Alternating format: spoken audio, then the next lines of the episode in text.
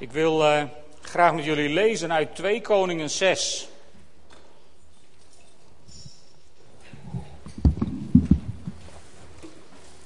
Oh, was al. 2 Koningen 6, vers 1 tot 7.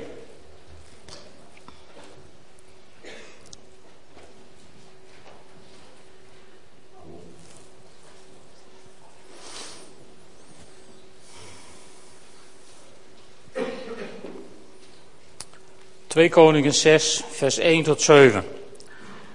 Op zekere dag zeiden de leden van de profetengemeenschap tegen Elisa: Het gebouw waarin wij met u wonen is te klein voor ons allen, zoals u ziet. Laten we naar de Jordaan gaan en daar boomstammen halen om een nieuw onderkomen te bouwen. Ga je gang, zei Elisa.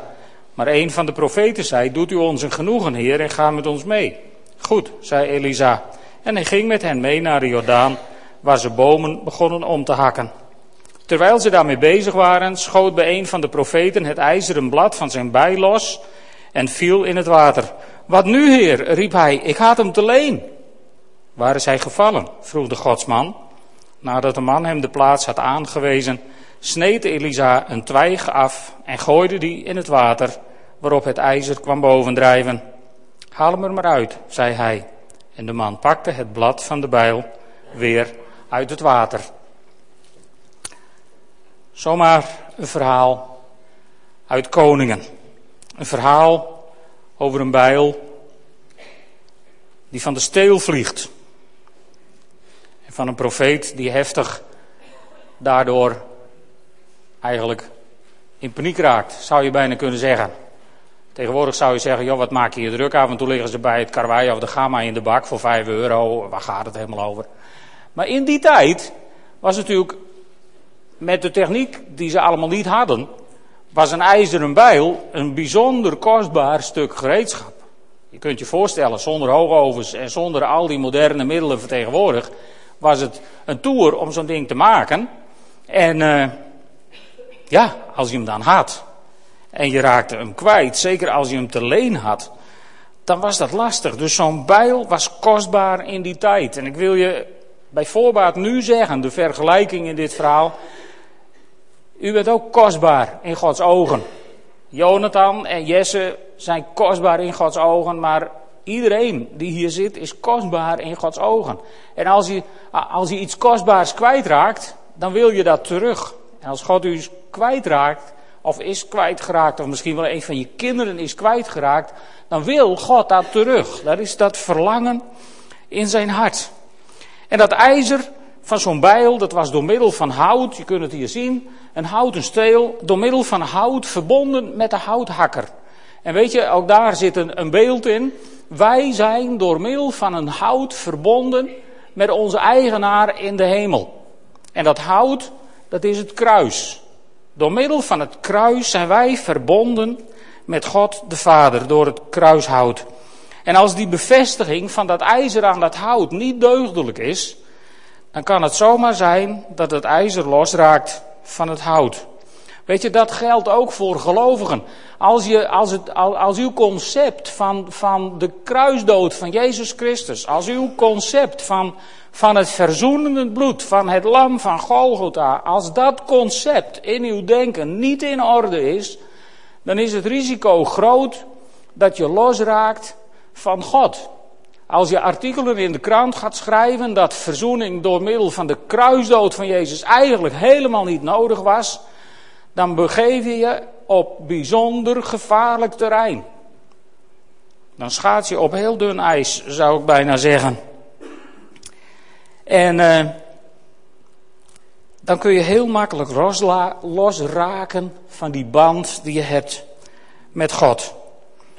Want als die verbinding met dat hout wordt verbroken en je zwaait met die bijl, dan gaat dat ijzer zijn eigen weg. Zo is het ook met mensen. Als je losraakt van God, ga je je eigen weg. Je ziet dat onder andere met de jongste zoon uit het verhaal in Lucas 15, bekend als het verhaal van de verloren zoon. Hij maakt zich los van de vader, gaat zijn eigen weg. En waar eindigt hij? Bij de varkens. En zo gaat ook deze bijl, nadat hij zich losgemaakt heeft van de steel, gaat hij uiteindelijk ten onder. En dan is daar dat hout dat redding brengt. Elisa die snijdt een tak af en die gooit die in het water en dan komt die bijl bovendrijven. En iedereen zal zeggen, nou dat kan niet, dat is onzin, dat is een leuk verhaal, fabeltje. Maar goed, ik geloof nog steeds in wonderen. Ik, ik hoor bij die categorie.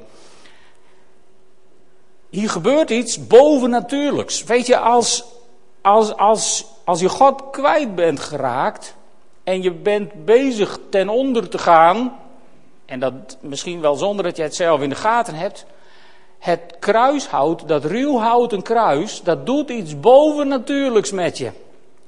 Want volgens de wet van God ben je sowieso, als je het op eigen kracht probeert, reddeloos verloren. En dat hout van het kruis doet zoiets bovennatuurlijks met je, dat je gered wordt en, en dat het mogelijk wordt om een levende relatie te hebben met die God die onze schepper is, de schepper van hemel en aarde. Daar kun je een relatie mee hebben, dankzij dat hout. Geweldig is dat.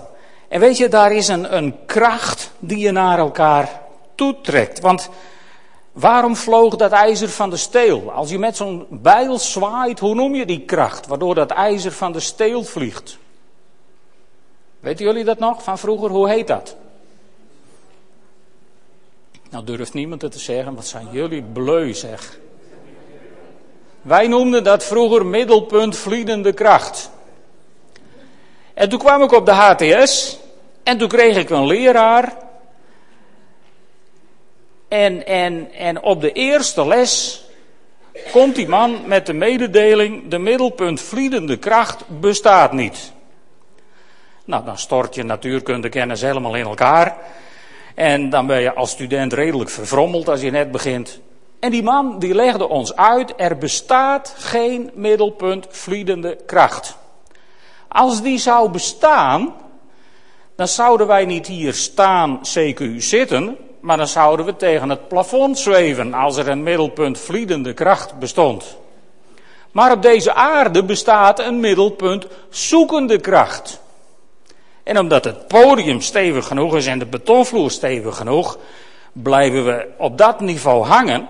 Maar spring maar in het water, zonder te zwemmen, dan zul je merken dat je verder naar beneden gaat. Uiteindelijk trekt het middelpunt van de aarde trekt ons aan. En dat heet de middelpunt zoekende kracht.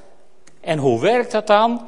Nou, ik heb hetzelfde voorbeeld maar even gebruikt van meester op school. Ik zal mezelf ook even aanhaken. Als je een geit aan het spit zet en je jaagt daar een kwaaie hond achteraan, krijg je last met de dierenbescherming. Maar dat is een ander verhaal. Werkt ook met hangbuikzwijntjes volgens mij. Als je een geit aan het spit zet en je laat hem rennen, dan gaat die geit rondjes rennen. Als er een middelpunt zoekende, vliedende kracht zou staan, zou die geit iets blauw hinein verdwijnen. Maar dat doet hij niet. Hij blijft rondjes rennen. En uh, waarom doet hij dat? Omdat er door middel van het touw een kracht aan hem trekt. Die trekt hem naar het middelpunt. En omdat hij rent, rent hij dan voortdurend rondjes. Alleen als het spit niet goed in de grond zou staan, moet ik heel voorzichtig zijn hier op het podium. Maar als het spit niet goed in de grond zou staan, dan gaat de geit rechtdoor.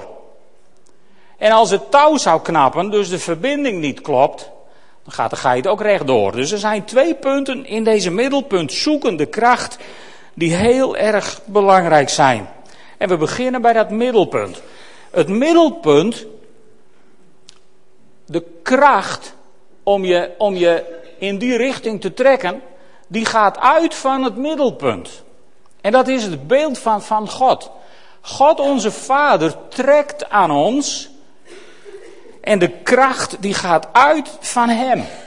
En we mogen één ding weten, op Hem rust mijn geloof. Die kracht die staat als een huis. En die kracht wordt in Hebreeën 12 vers 28 omschreven als een onwankelbaar koninkrijk. En zolang het mensdom zijn, zijn hoop vestigt op die onwankelbare God, van dat, die onwankelbare koning, van dat onwankelbare koninkrijk, dan kan je niks gebeuren. En die onwankelbare God, die heeft vervolgens iets heel bijzonders gedaan. Die heeft namelijk een, een, een soort spit, een kruis, heeft hij in dat onwankelbare koninkrijk geslagen als een symbool voor ons, als het middelpunt van ons geestelijk leven.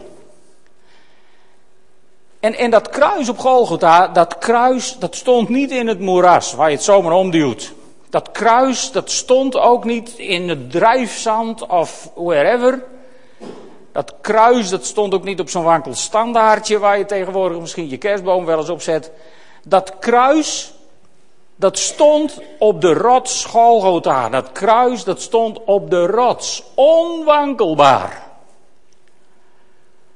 En ik geloof dat is voor ons het beeld van het middelpunt waar ons leven om moet draaien. Om dat kruis wat op die rots staat. En uiteindelijk is Christus die rots waar we dan in verankerd zijn. misschien ken je dat liedje nog van vroeger, moesten wij leren op school, vaste rots van mijn behoud. Jezus Christus is de vaste rots van mijn behoud. Daar is geen twijfel over mogelijk. Het middelpunt. Het middelpunt zit wel goed. Daar zit het probleem niet. En de verbinding dan? Nou, de verbinding, volgens mij is de verbinding met het middelpunt. De verbinding met het middelpunt, dat is de liefde van God waarmee Hij trekt aan de mensen. In Johannes 3, vers 16, de bekendste tekst misschien wel van de Bijbel. God had de wereld zo lief dat hij zijn enige zoon heeft gegeven, opdat een ieder die in hem gelooft niet verloren gaat, maar eeuwig leven heeft. Die liefde van God is de band die ons verbindt met dat middelpunt. En die liefde van God is krachtig. En die liefde van God is voor iedereen. Want het, het is heel mooi. Hier staat, God had de wereld zo lief. Broeder, bedoel je de, de wereld? De grote boze buitenwereld waar wij negatief over doen, waar wij afstand van. Ja, God had de grote boze buitenwereld zo lief dat hij zijn enige geboren zoon stuurde om uit die grote boze buitenwereld te redden wat er te redden viel. Hij liep maar rond met dat touw om iemand te vinden die bereid was om aangehaakt te worden aan het middelpunt. En zo gaat de geest van God nog steeds zoekend door deze wereld. Om mensen te vinden die, die niet eigenwijs zijn, die bereid zijn te buigen voor het kruis van Golgotha. En die bereid zijn om, om verbonden te worden met dat onwankelbare middelpunt. Zo zijn ook Jonathan en Jesse verbonden met dat onwankelbare middelpunt. Vaders en moeders, dat mogen jullie weten. En hier zitten misschien ook wel vaders en moeders die denken, maar mijn kind, mijn kind heeft niks meer met God. Hoe moet dat dan? Nou, vaders en moeders, ik wil je één ding zeggen. Als jouw kind geboren is in een christelijk gezin, dan trekken die banden van Gods liefde, die trekken aan hem. Want ik kan dit wel losmaken, dit is slechts materie. Ik kan wel, nou, ik heb er niks meer mee te maken. Maar die banden van liefde van God, die zijn onlosmakelijk. Die zijn onberouwelijk. Want wij geloven toch in een God die de schepper is van hemel en aarde.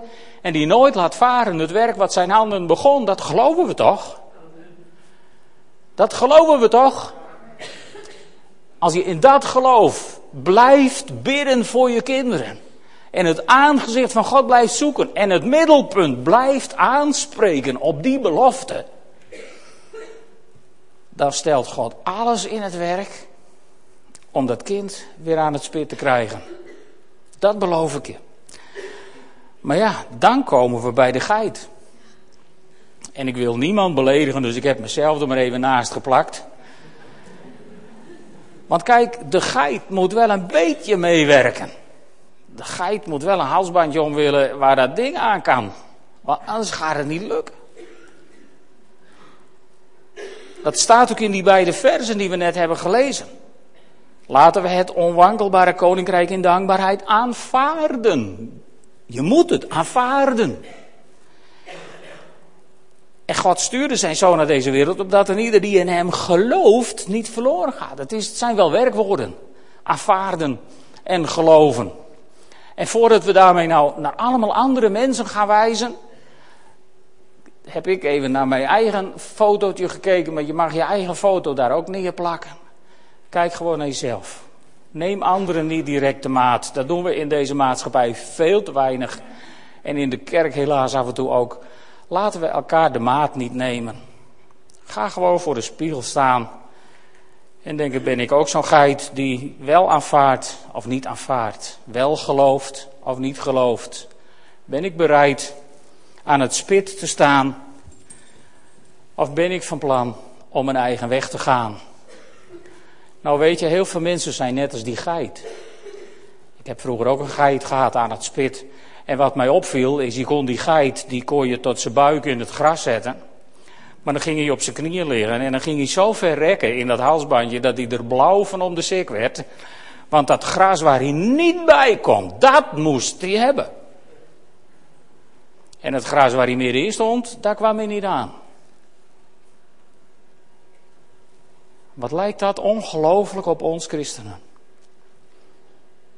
Hoe vaak zijn we niet op zoek naar de rand van wat nog net kan? Hoe vaak zijn we niet op zoek naar nog net dat kleine korstje van de wereld even meesnabbelen waar we net niet bij kunnen?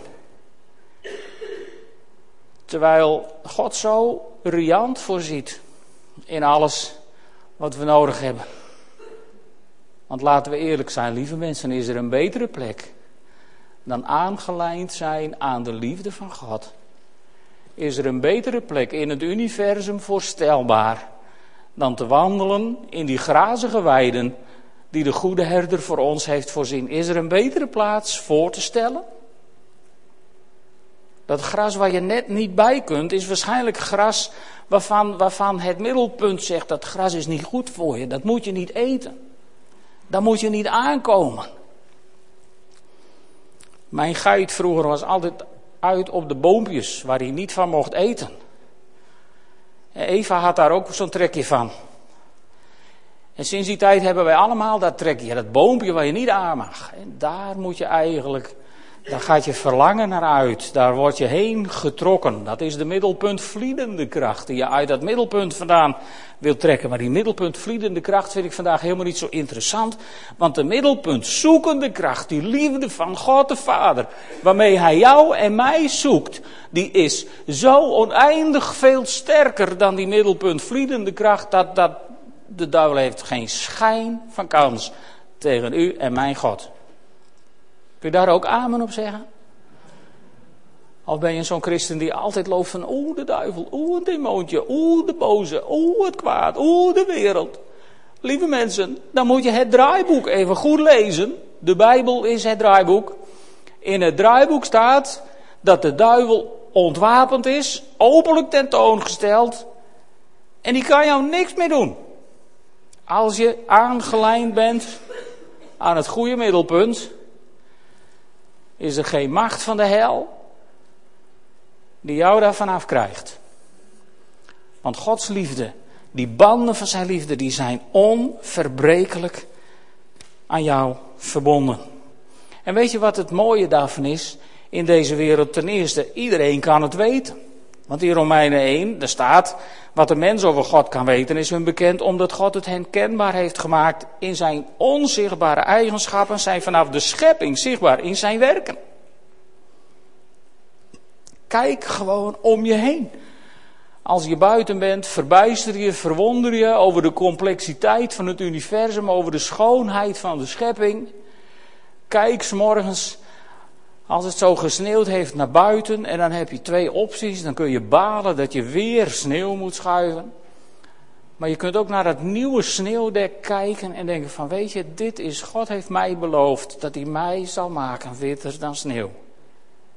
Kun je dat enigszins voorstellen, witter dan sneeuw? Ik wil, als de zon er vanmiddag even op schijnt, moet je het dus proberen je voor te stellen, witter dan sneeuw.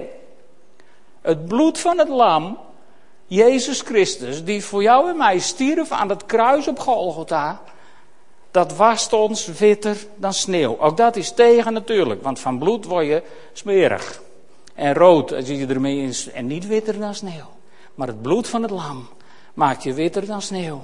En die takken in het water, deed die bijl, die hopeloos en reddeloos verloren was, in de prut op de bodem van de Jordaan, die bijl die kwam bovendrijven door het hout. En zo is het het hout wat ons redt. Dit spit is dan toevallig van ijzer, maar, maar het is uiteindelijk het kruis wat ons redt. En iedereen kan het weten. En daarbij is het ook nog zo dat God het initiatief neemt. Johannes die schrijft dat zo duidelijk op, op in zijn brief 1 Johannes 4 vers 10. Het wezenlijke van die liefde, wat zei ik? De band van de liefde die je verbindt met het middelpunt, waardoor je aan het spit loopt van God. Wel, die liefde is niet dat wij God hebben lief gehad. Ik heb me hier nou zelf aangeknoopt. Maar met Gods liefde werkt het net andersom. Het is niet zo dat wij God hebben lief gehad, maar Hij heeft ons lief gehad. En hij heeft zijn zoon gezonden om verzoening te brengen voor onze zonden. Paulus schrijft het zo mooi. Toen wij nog zondaren waren, toen al heeft God ons willen bevrijden van de macht van de zonde. Toen we nog aan het spit van de duivel liepen, toen al was God erop uit om ons van dat spit te bevrijden en ons te binden aan de liefde van zijn zoon. En God neemt het initiatief daarin. Voordat iemand denkt, nou maar ik heb het goed gedaan, ik heb. Nee, ik heb helemaal niks. God heeft mij geroepen, God heeft mij getrokken uit de macht van de zonde, uit de macht van de dood en mij overgebracht naar het eeuwige leven. In zijn heerlijkheid en in zijn glorie. En weet je, van die kracht van God, van het middelpunt, daarom is het ook de middelpunt, zoekende kracht, die kracht zit in het middelpunt en die moet je zoeken. Maar uiteindelijk zoekt het middelpunt om jou. Het gaat uit van het middelpunt. En daarom zegt Paulus het zo mooi in Efeze 6, vers 10. Daar zegt hij ten slotte: zoek uw kracht in de Heer. In de, in de kracht van zijn macht. Of zoals de Statenvertaling het zo mooi zegt: Voorts, mijn broeders, wordt krachtig in de Heer. In de sterkte zijner macht. Niet in de sterkte van niet in mijn sterkte. En ik hoop ook niet in de sterkte van Open Thuis. Of als bij een andere gemeente hoort hier vandaag, ga het niet in de sterkte van uw kerk. Niet in de sterkte van uw traditie waar je bij hoort. Nee, zoek uw kracht in de Heer. In de sterkte van zijn macht. En lieve vrienden, er is één ding wat ik tegen je wil zeggen. Als je als je, je sterkte zoekt bij het kruis wat staat op de rots van Golgotha zoek je nooit te vergeefs. Ik durfde hem daar niet achter te zetten. Ik denk, dan steek ik de TL-buis lek. Maar als je je kracht zoekt bij het kruis wat staat op de rots, dan kan je niks gebeuren. Dan ben je geborgd voor de eeuwigheid. Dus daar moet je het van hebben. En Heiko Reina en Martin en Tanja, als jullie in het opvoeden van je kindje je sterkte zoekt bij dat middelpunt, dan moet het goed gaan. Dan moet het goed gaan. Ik vond het heel mooi dat Heiko even zei, vorig jaar was de situatie heel anders. En dan heb je twee opties. Je kunt denken, bekijk het maar, ik knoop mezelf los van dat spit. En dan ga je ten onder. En je kunt ook zeggen, weet je wat? Daar gaan we onze kracht zoeken. Hier gaan we het van hebben. Hier gaan we naartoe. Hier ga ik heen met de puinhoop van mijn leven. Hier ga ik het verwachten. Dan gebeuren er wonderen in mensenlevens. Dan gebeuren er wonderen in mensenlevens. Dan worden er vredeskindjes geboren. En dan is het feest in de hemel. Als je daar je kracht zoekt, kan het nooit meer misgaan. Als je bereid bent, als de geit bereid is om dat halsbandje om zijn nek te krijgen, waar hij aan vastgezet wordt, dan komt het goed. Want waar men door beheerst wordt, daarvan is men slaaf. Dan zijn wij leverdeer dan slaaf, vaak, maar misschien moeten we ons daar nog eens van bekeren. Maar als wij bereid zijn om, om, om, om gevangenen van Christus te worden, dan zijn we nooit meer gevangenen van de duisternis. En weet je, dat wil ik tot slot dan tegen je zeggen. Er is geen niemandsland in deze geestelijke wereld. Er is geen neutraal gebied in dit geestelijke verhaal. Dat bestaat niet. Je bent gevangene van de duivel of je bent gevangene van Jezus Christus. Je loopt bij God aan het spit of je loopt bij de duivel aan het spit. Maar spitloos kennen we het niet. En daarom wil ik je dat vragen vanmorgen.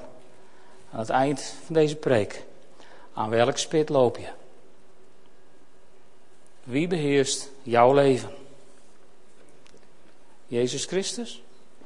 Als Jezus Christus je het leven niet beheerst, dan beheerst de vorst van de duisternis je leven.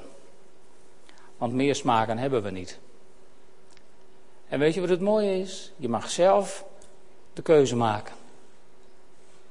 En meer hoef jij niet aan te doen. Het spit is geslagen op Golgotha. En de banden van de liefde van God, die waren er al voordat wij God lief hadden. En nu een ja-woord nog. Mag ik jullie vragen aan op te staan?